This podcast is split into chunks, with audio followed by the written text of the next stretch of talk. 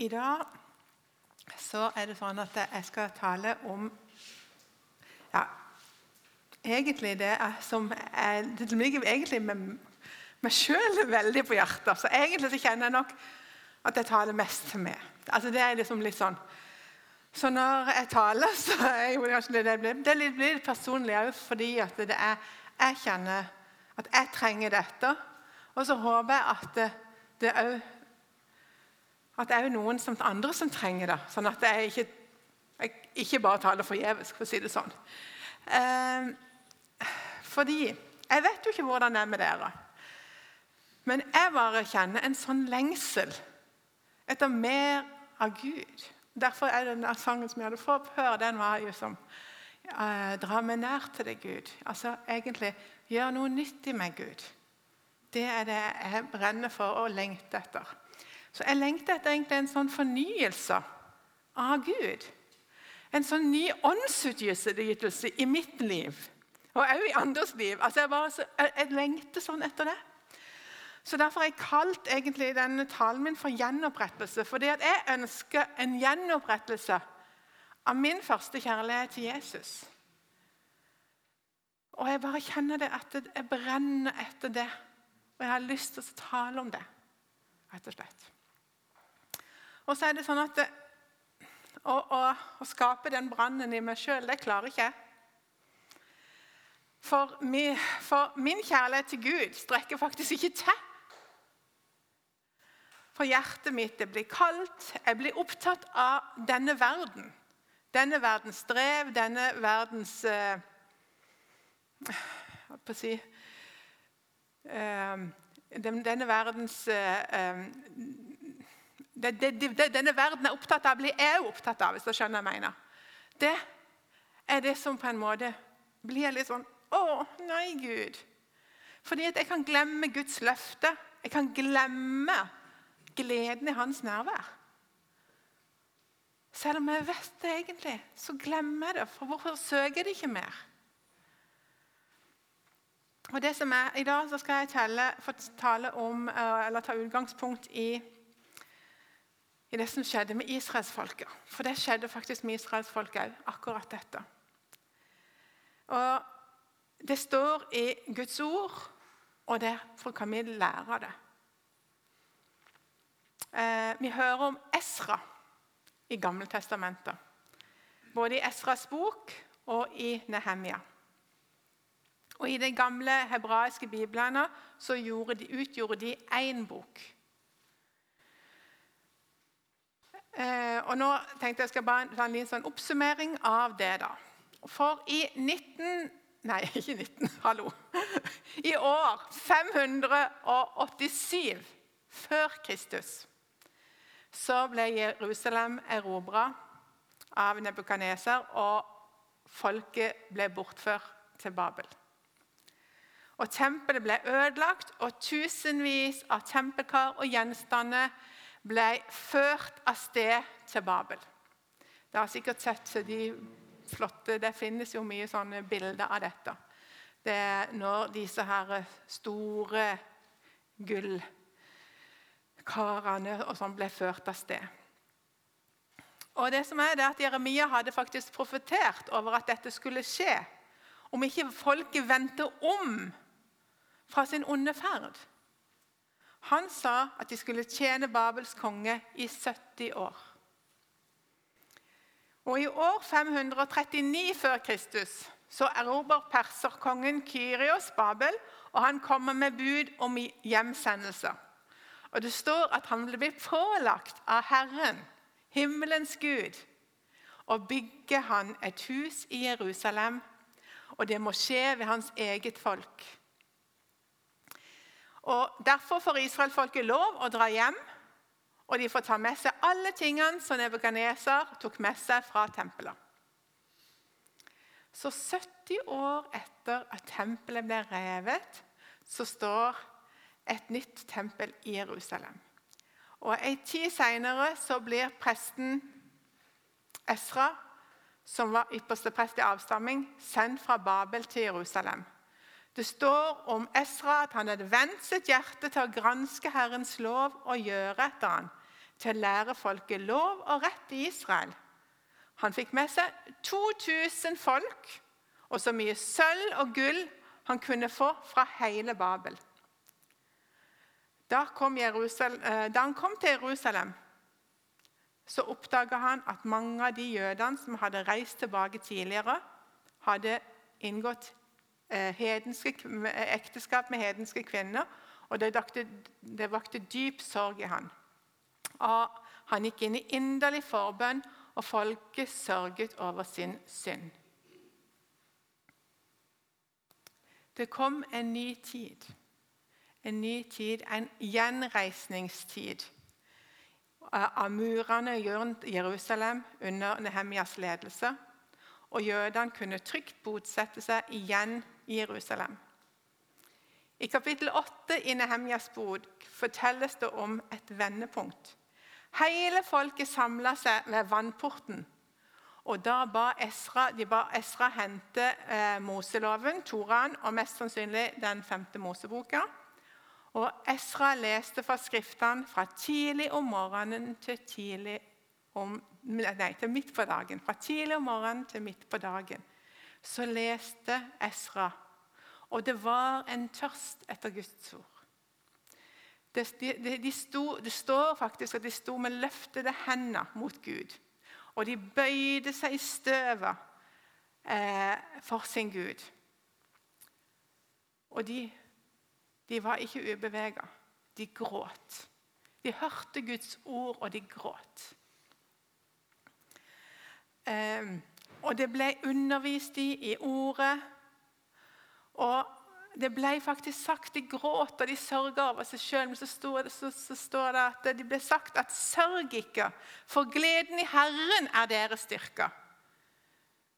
Dere skal ikke sørge, dere skal glede dere. Gled dere i Herren, for dette er styrken deres.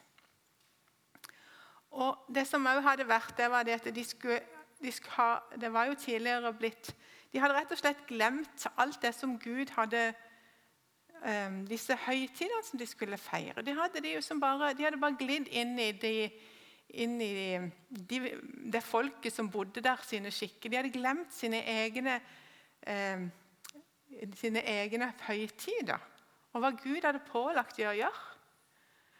Så de leste, og, og de, de, hadde jo på en måte glemt at de hadde glemt at de, skulle, at de, at de hadde en lov om å feire løvhyttesfeiringa. Hvordan, og hvordan den skulle feires. Og det var en takk til Gud Eh, og Det var et minne at de, for at Gud førte dem ut av Egypt. og for, for grunn av de, og Hvordan de skulle minnes det, det var at de skulle bo i, lø, i løvhytter. For at de skulle minnes hva de hadde fått av Gud. Og Hvis vi leser fra 3. Mosebok 23, 33-44, så står det Og hele menigheten, de som var kommet tilbake fra fangenskapet, laget løvhytter og bodde i dem. For fra Josfas, Nuns sønns dager, like til denne dagen, hadde Israels barn ikke gjort dette. Det var overmåte stor glede. Og Etter denne feiringa gikk de inn i beder og fastetid, der folk gikk i sekk og aske, og de skulle bekjenne sine synder. Og Det som skjedde der da, på Esras tid, så rett og slett så fikk de et møte med Gud. Et nytt møte med Gud. Og de gikk inn da, og de bestemte seg, alle sammen. Det var en ny forpliktelse av pakten mellom Gud og Israel. Og de ønska, de sa bare, 'Ja, Gud, vi ønsker å være ditt folk.' 'Vi ønsker å holde dine bud.' De gikk inn i en ny forpliktelse. De fikk en, en ny glede i hjertet av å være hans folk. Og de gikk inn med en ny forpliktelse over å være annerledesfolka. Det folket som holdt hans bud og var hans folk. Så er det jo som, Hva er det vi kan lære av den historien da, i forhold til det som jeg begynte med? Hva kan vi lære? Uh, For det som er det at Gud han er jo i går og i dag den samme til evig tid. Det som er det at Vi har jo en Gud som, både som var der på Esra sin tid. Han er jo den samme i dag. Det er vår Gud. Og han vil at vi skal lære av det som står i Bibelen. Han vil at vi skal lære noe om Gud. At Gud han ønsker jo at vi skal komme til Han. For vi har med den samme hellige Gud å gjøre. Den store forskjellen fra den tida og nå, det var jo det at folkene den gangen så måtte de ha tempelet. De, hadde, de ofra dyr for å sone for synda. De måtte ha ypperste prester, som måtte være mellommenn. Som måtte ta og eh, gå eh, inn sånn som det ypperste presten gikk én gang i året inn i det aller helligste og sonte for hele folkets synder. De ofra dyr. og Folk kom til for seg sjøl og ofra dyr i, i, i tempelet. Så det som er den store forskjellen, det er jo det at offerlammet vårt er slakta. Vi trenger ikke å slakte mer. Jesus ble slakta. Jesus døde. Og hans offer ble frakt, brakt fram for Gud, og han har godtatt det. Ja, og Det betyr at vi lever i nådetida. Det, vi trenger ikke komme fram for Gud og ofre mer, for det er gjort en gang for alle. Og Det er jo så fantastisk. Og Derfor er det sånn at hvis vi har tatt imot dette, som egentlig er den store gaven, ikke sant? så er vi rene. He hele tida så er vi rene. Og vi er rettferdige, for vi trenger ikke noe mer offer. Det som, det som var det at um, i, i, i, Dette folket som kom fram, de kom fram sammen. Det var en tørst etter Guds ord som drev de sammen ned til vannporten der. Det står at de samla seg som én mann. Men jeg ville egentlig sagt at de samla seg med ett hjerte dunkende hjerte sammen. Med en lengsel etter Gud. Et lengsel etter å møte Gud. Har du vært sammen med mennesker fra forskjellige sammenhenger og bare kjent det at det er, vi har noe til sammen? Og det er en lengsel etter mer av Gud. Mer av deg, Gud. Mer av deg i mitt liv. Mer av deg i mitt hjerte, Jesus. Mer av det i min familie, mer av det i livet mitt. Da kan det kjennes som at yes, vi står sammen med ett hjerte. Og Grunnen til det er jo at Jesus har gitt sitt hjerte til oss. Vi kan merke det, at vi er familier. familie, og hjertet banker tankt. Og jeg kan, huske, jeg kan huske en gang vi var i, vi var i London. Vi var jo så midt i London, og der er det jo der er det litt sånn midt kavete. Sånn Oxford Street og alt mulig. Helt fullt av kav. Og vi på, Det var første gang vi var på Hillsong i London. Og vi visste ikke helt hvor det var. Og, og så var det jo Det skulle jo være i et av de teatrene, ikke sant? men vi, vi fant ikke helt. Men bare plutselig så var det noen der som omtrent bare dro oss inn. Og vi var der midt midt i London, og så i helt sånn kaos i verden. Og så ble vi dratt inn der, og så møtte vi familier. Det opplevdes sånn. Vi kjente det ikke, vi bare kjente den varmen og kjærligheten som var bare sånn helt unik. Midt i travleste London så bare kjenner du at du har familier. Og Det kan sikkert flere av dere andre som reiser verden rundt og rundt, som møter menighet. Så plutselig kommer du inn sammen med andre kristne, så bare kjenner du det. Vi er familier. Vi har ett hjerte som slår i takt. Og det er ganske unikt å kjenne på. Vi har en familie rundt hele verden, for vi har ett hjerte Jesu hjerte.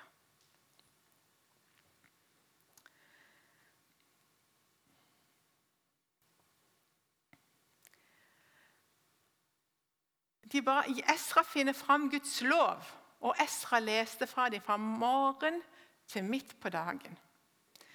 I David Platts bok 'Radikal' så blir han bedt om å undervise i Asia. Der hadde han regnet med å ha en kort bibeltime. Men det ble ikke sånn.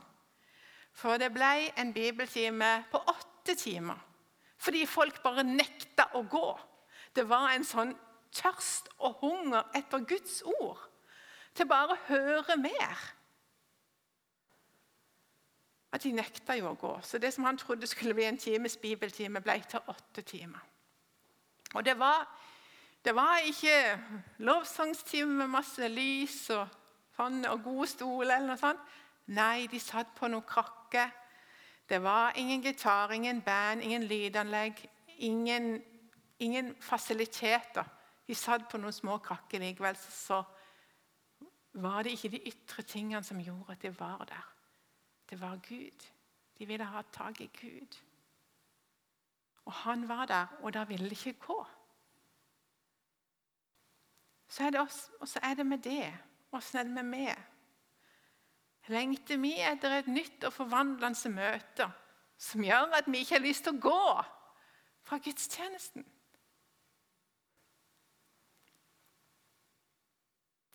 Og så handler det egentlig som det er å være på riktig sted til riktig tid. Og det er viktig. Når Herren kommer, og han bare kjenner han kommer og gjester sitt hus, så ønsker vi å være der. Jeg ønsker å være der. Og av de møtene som jeg husker opp igjennom, som kan fortelle, det er jo de opplevelsene jeg har hatt der jeg opplever Guds manifesterte nærvær. Der han setter i frihet. Der han blir viktigere enn naboen som du sitter sammen med. Men viktigst bare å være der sammen med han. Jeg har opplevd det noen ganger. Og det glemmer du aldri. Der du opplever at du bare er på pappas fang, og det er ingenting som er viktigere enn å være nær han. Det er den beste plassen å være i denne verden. Jeg tror man kanskje får et, en opplevelse, en liten touch av hvordan himmelen vil være. Fordi at det er bare så fantastisk. Og når man har opplevd det, så vet man at det fins. Og så lengter man bare etter mer av det. Så var det en gang en eldre kvinne som sa Hun sa Tenk om Herren skulle velsigne oss på en herlig måte, og jeg ikke var til stede. Tenk om det var syndere som ga seg over til Herren, og jeg ikke fikk oppleve det. Det var ei eldre dame som gikk i en menighet. Hun bare sa 'Jeg må jo gå'. Jeg må jo gå. For tenk hvis det skulle skje virkelig at Gud kom med sitt nærvær og gjorde at mennesket ga seg over til Gud. At mennesket fikk fornya sitt forhold til Gud. Så må jeg være der. Og så er det jo som Åssen er det med det? Har, har, du en sånn lengsel og forventning til at Herren skal, skal komme og gjeste oss med sitt nærvær? det gjør det at vi, er vi redd for å gå glipp av en gudstjeneste. For vi er redd for Tenk hvis virkelig Gud kommer og gjør noe virkelig forvandlende i dette møtet, og så er jeg ikke jeg der. Og så gikk jeg glipp av det.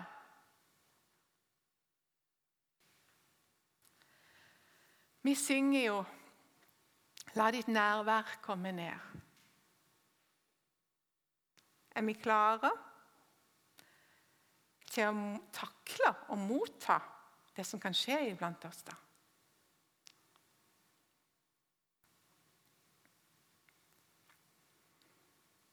Jesus han kommer på mange forskjellige måter. Men noe av det han gir, det er glede. Og det opplevde jo Noen av oss som var på konferansen, vi opplevde at han kom med sitt nærvær, og han ga oss glede og frihet. Og det, det er godt. Og jeg tenker av litt til litt sånn, for Israelittene hadde glemt å feire løvhyttefesten. De hadde glemt å feire. De hadde glemt at gleden i Herren var disse styrker. Og så er det sånn at, det, at det, for, de sa jo, for hele folket gråt da de hørte Guds ord. Men Esra sa til dem, sørg ikke, for gleden i Herren er deres styrker. Og de skulle virkelig glede seg over det som Herren har gjort for dem. De skulle minnes Guds godhet. Og, og vi som er frelst og har våre synder tilgitt Og vi har òg all grunn til å feire, akkurat som de virkelig. For det at Som jeg sa i stad, det er jo Lammet er slakta, og vi er fri. For alltid. Det trengs ikke gjøres igjen. Vi har all grunn til å feire. Og, der, og I Korinterne 5,17 så står det derfor, om noen er i Kristus, da er han en ny skapning. Det gamle er forbi. Se, alt er nytt. Vi trenger ikke gråte over vårt skrøpelige liv. Nei, for det finnes ikke lenger. Vi har fått et nytt liv som er hellig og rent og rettferdig. Det er en gave fra Gud. Og så er all grunn til glede. Gled dere i Herren alltid. Igjen vil jeg si gled dere. står i Filipperne 4, 4, 4. Det, det, er, det som er det at det, vi trenger å minnes og feire hva Gud har gjort i våre liv. Og jeg syns personlig at vi feirer litt for lite i våre kristne sammenhenger. Jeg er jo sånn Jeg, kun, altså jeg, jeg sier det. Nå er jeg veldig sånn personlig. Jeg skjønner at ikke alle er sånn som meg. At alle har ikke sånn behov for å danse bare og sånn som jeg har lyst til. Men, men altså er, Vi har litt for lite sånn uttrykk for glede i vår kultur. Og for min del så sier jeg at jeg av og til så føler jeg at jeg er egentlig tror jeg, en afrikaner i, i mitt indre. Og ja, jeg tror av og til det. Fordi jeg tror jeg hadde passa så mye bedre inn i de gudstjenestene. ja. Så, eller et eller annet. Fordi at ja, til og med ikke sant, i våre bryllup det er så stille og rolig. ikke sant, Det er jo ikke det er jo ikke dans, det er jo ikke noe Det er litt sånn der jeg, hvordan er våre uttrykk for glede? For vi trenger òg å feire og vise at vi er glade, og at vi har en, vi har, vi har en frelser. Ja? Så det var, tenk litt. Hvordan viser vi vår glede om ikke vi kan danse? og synge. Synge gjør vi jo heldigvis, så det er bra. Men iallfall så mener jeg at vi har all grunn til feiring. Og sånn som påska, det er jo kristne store høytid. Det er jo en som vi virkelig Det burde vært den største feiringa i vår kultur. Men sånn som vi ser nå, så er det i veldig mange bedehus og kirker har stengt, rett og slett, i, i, i påska. Og når vi starta denne menigheten, så var det noe av det viktigste. Vi skal i alle fall ha gudstjeneste på første påskedag fordi da sto Jesus opp. Han er oppstanden. Vi har grunn til å feire. Så la oss i alle fall komme sammen i menigheten og glede oss sammen. Hmm. Og så er det sånn at der hvor gleden er stor, der renner den over til andre. Ikke sant? Et smil. Hvor mye er det ikke det smitter over til andre? Så er det altså glede, dere det er noe som, som rett og slett smitter. Og Derfor er det sånn det som hjertet er fullt av, renner munnen over av. Så la oss bli fylt av glede, sånn at det òg kommer glede ut av oss. Og så er det neste punkt på det er et møte med Jesus gir oss tørst etter mer av han. Disse satt i timevis når Esra la ut om ordet. Skulle tro at de ble lei, for jeg tror ikke det var så veldig spennende lesning. Men de fikk virkelig tørst etter mer. De fikk tørst etter mer. Og de ønska å kunne mer av Guds ord. De ville kjenne ordets sannheter. De ville gå dypere inn i det. Og de ønska å leve i lydighet mot ordet. Og I Salme 42, 1-2 så uttrykkes denne lengselen så fint. Som en hjort skriker etter rennende bekker. Slik skriker min sjel etter deg, Gud. Min sjel tørster etter Gud, etter den levende Gud. Når skal jeg komme og tre fram for Guds åsyn? Og Sånn virker Guds levende ord og Den hellige ånd i oss. Den lever og virker i oss både å ville og gjøre etter Hans gode vilje. Det er, det, det er sånn at han gjør sånn at vi ønsker å gjøre det som han ønsker at vi skal gjøre. Han gjør det i oss. Han skaper det. Han skaper det han vil i oss. Han skaper en tørst og lengsel i oss etter mer av han og hans ord. Og det som var, det er at det er den tørsten som skaper vekkelse i våre liv. Og denne tørsten som vil føre Guds folk sammen med ett hjerte som lengter etter Gud. For Gud, han vil komme. Han ønsker å komme. Han ønsker å komme og være nær oss. Han ønsker å vekke oss opp. Han ønsker å gjeste sitt folk.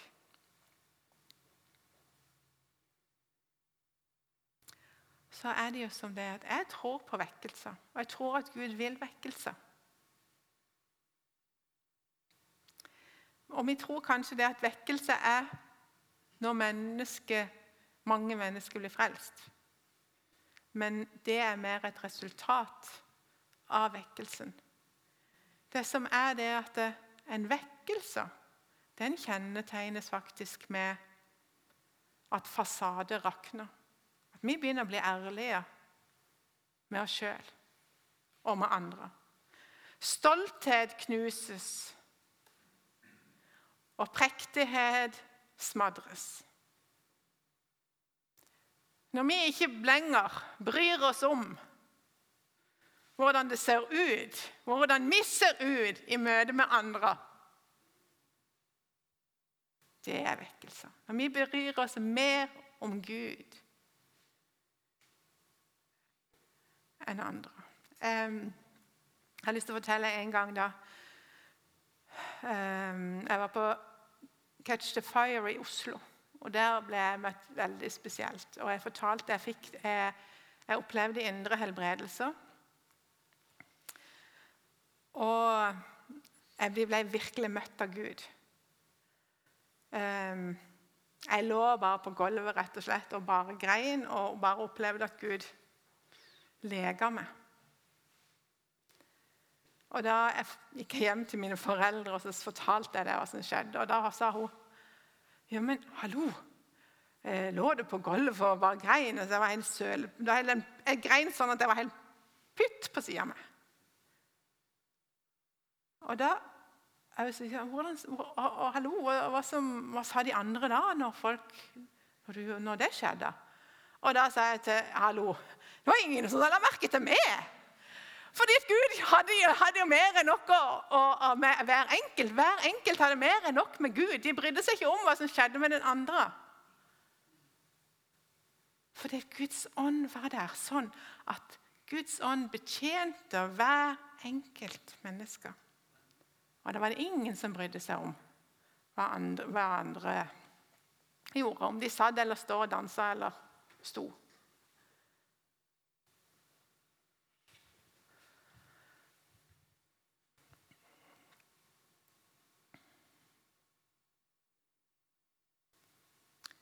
Det som er det at det, når det kommer, når Guds hånd kommer der, så blir Så knuser han, og synden blottlegges.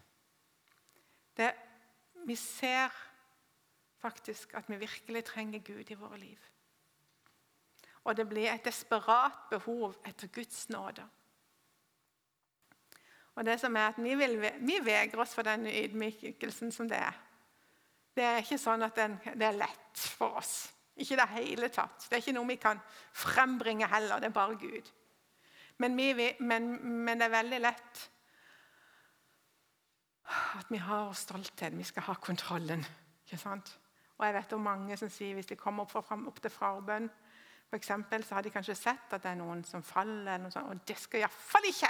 Jeg skal i alle fall ikke det. Så går de fram, og så, så er det sånn La meg stå. og Nå skal jeg stå. Jeg skal i alle fall ikke falle av, Guds, av, av noen et noe. Ikke sant? Et eller annet. Det er helt sikkert noen som har tenkt på det. Men det som er Gud ønsker at vi skal bare overgi alt. Det er faktisk det Gud ønsker. At vi skal faktisk overgi all vår vilje. Og egentlig litt sånn kontroll. Og det, Jeg skjønner at det er skummelt. Jeg synes det er jeg sier, jeg sier, ikke det, jeg sier bare at sånn er det. Vi er redd.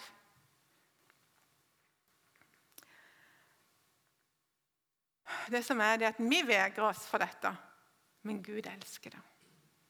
Gud elsker den han får alt. Og Gud elsker det når han får føre oss på kne, og synden blir uutholdelig, og vi får bekjent vår synd. Og Gud han vil alltid komme og møte oss med ny nåde og kjærlighet. Han ønsker å gjenopplive ånden i oss og gi oss et nytt og levende, brennende hjerte for Han. I Isaias 57, 15 så står det For så sier den høye, den opphøyde, Han som troner for evig, Han som bærer navnet hellig. I det høye og hellige bor jeg, hos den som er sønderknust og nedbøyd i ånden, for å gjenopplive de nedbøydes ånd og gjøre de sønderknustes hjerter levende. Å Gud, jeg ber deg her om at du skal gi meg et sånt et nytt og levende hjerte, Herre.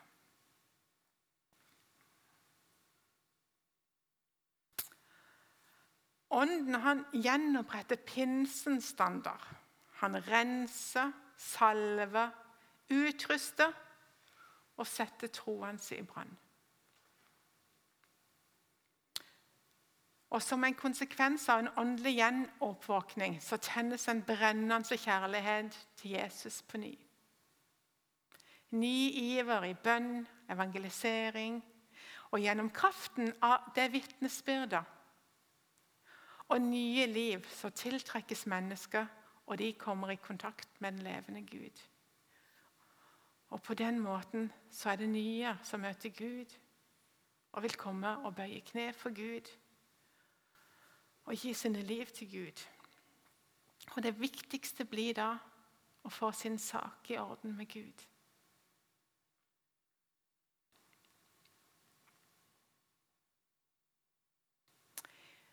Israelsfolket er paktens gud. Gud gjorde en pakt med Abraham. Den ble fornya mange ganger. Og gjentatte ganger så brøt israelsfolket pakten. Men Gud, han var alltid trofast. Gud er alltid trofast. For Den vekkelsen som begynte i Esra, det ble en fornyelse av denne pakten. Ordet de hadde hørt, fikk, fikk konsekvenser for livene deres. De forplikta seg til å følge Guds ord. Og hver enkelt måtte på ny ta et standpunkt og gi seg over til Herren på nytt.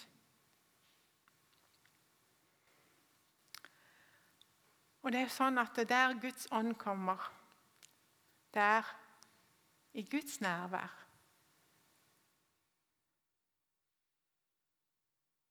så kan Gud komme og utfordre oss til å la Jesus få kontrollen. På nytt. Det står i Bibelen at vi skal ta opp vårt kors hver dag. Det er ikke for ingenting.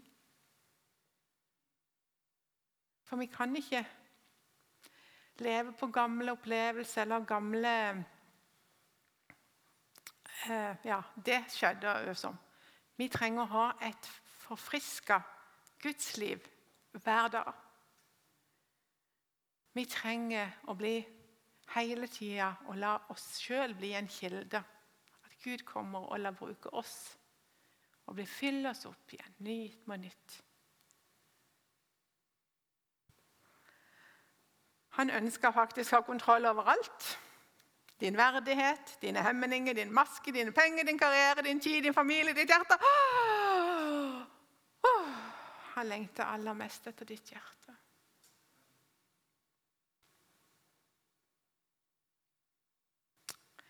Etter eh, din eh, tid, din kjærlighet. Han ønsker å være den store kjærligheten, den du kan kalle den elskede. Min elskede. Og så sier du kanskje 'mitt hjerte kjennes kaldt'. Og det kjenner jeg mange ganger. Det kan kjennes så kaldt. Og jeg ønsker å leve for Jesus av hele mitt hjerte og hele min sjel og hele min forstand. Og så føles det ikke alltid helt ekte, for det hjelper jo ingenting bare hva jeg vil. Det er jo Gud i oss som må gjøre det. Og Tessalonikerne 3,15 står det må Herren styrke deres hjerter til å elske Gud og vente på Kristus med tålmodighet. Vi kan ikke elske oss sjøl. Vi kan ikke streve oss til dette. Vi kan ikke gjøre ah, 'Fiks det, Gud! Sånn nå!' Dette. Nei, det er bare Gud. Og Det kan på en måte gjøre det ting så vanskelig. For det er så enkelt med ting som vi bare kan fikse og bare gjøre. Det er akkurat som frelsen. Vi kan ikke frelse oss sjøl. Gud må frelse oss. Og òg dette. Det er bare det er Gud som på en måte må fylle oss med sin kjærlighet. Fordi du har elsket meg først, så vil det fylle oss med kjærlighet. Så det er bare ved å ta imot Guds kjærlighet at vi kan la oss fylle av den. Og vi kan vente på han, vi kan søke han. Og han er jo trofast. Og han kommer til den som søker han. Det kan vi stole på. For han elsker deg for den du er. Han kjenner deg ut og inn.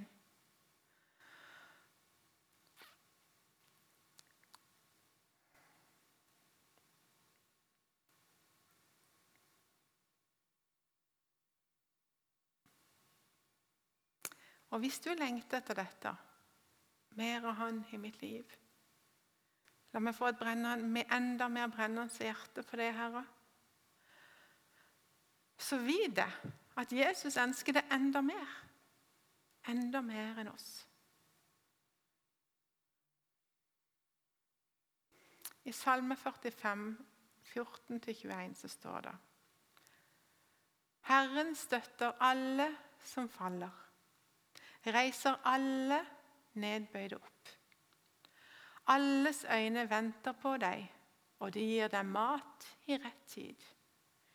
Du åpner din hånd og metter alt som lever med det gode. Herren er rettferdig på alle sine veier, trofast i alt det han gjør. Herren er nær alle som kaller på han, alle som kaller på Han i sannhet. Til dem som frykter ham, gir han det de ønsker. Han hører deres rop og frelser dem. Herren vokter alle som elsker ham, men utrydder alle lovløse. Min munn skal lovprise Herren, alt som lever skal velsigne Hans hellige navn til evig tid.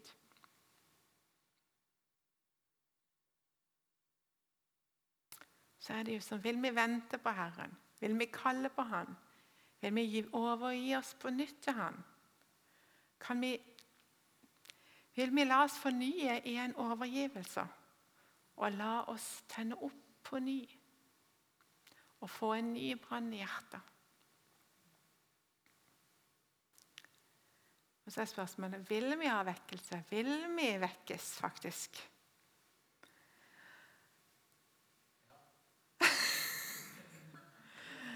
Amen. Og det er som er det at det fins jo ikke noe på denne jord som er bedre enn hans nærvær.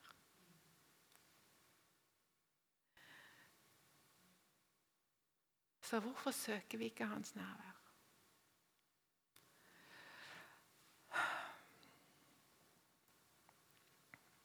Vekkelse er ikke noe vi kan lage. Det er noe han kan føde fram ved sin ånd. Og den måten han gjør det på, er den samme. Han møter oss i ordet, og han skaper ved sin ånd en lengsel etter vår elskede Jesus. En lengsel etter intim kontakt. Og skape en enhet i hjertet. Som fører mennesket sammen mot felles mål. Sånn at vi kjenner på den enheten når vi treffer andre kristne. Så kjenner vi det. Og hvorfor kjenner vi den enheten? Jo, for Jesu hjerte slår i oss. Vi lever jo ikke lenger sjøl, men Kristus lever i oss. Det er hans hjerte som slår i oss.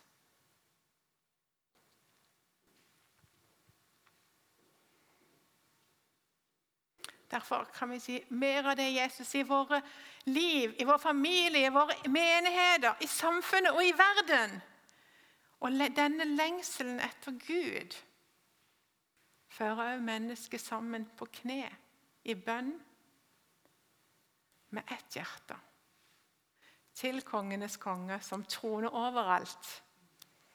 Han som er alfa og omega.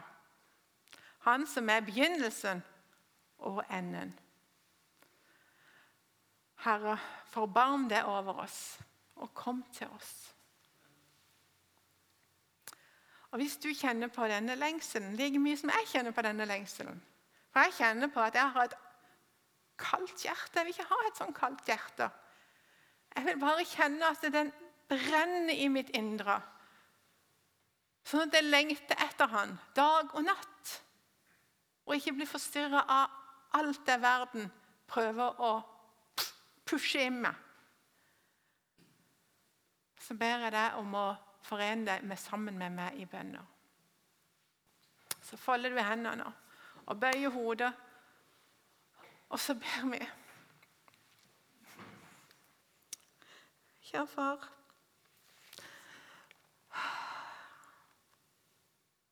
Tilgi oss at vi fyller livet vårt med alt mulig annet søppel, Jesus.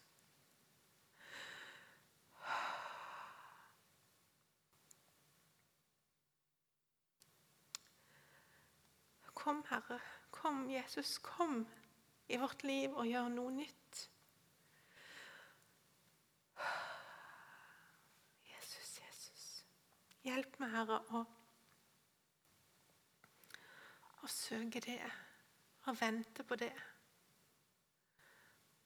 Og la det få mulighet til å komme til meg, til å gjøre ditt i mitt liv. Hjelp meg å prioritere det,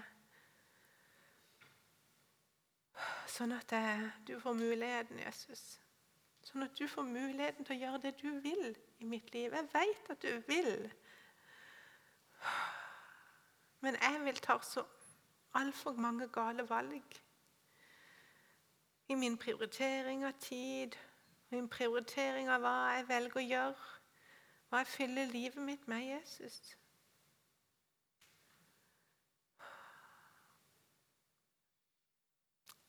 Jesus, hjelp meg å se deg på nytt. Jeg takker deg for frelsen. Jeg takker deg for at den har vi, Herre. Men vi vet at dette livet er mer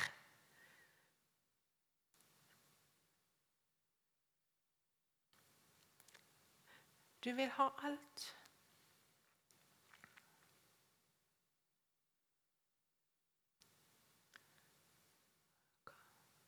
Kom, Hellige Ånd, og gjest vår menighet. Røsk opp alt det som ikke er bra, som du ser.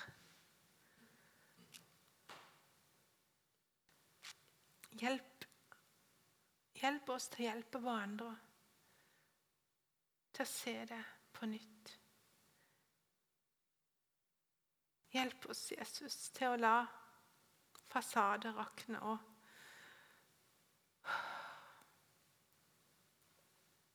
At vi tør å være ærlige, at vi trenger deg, Jesus.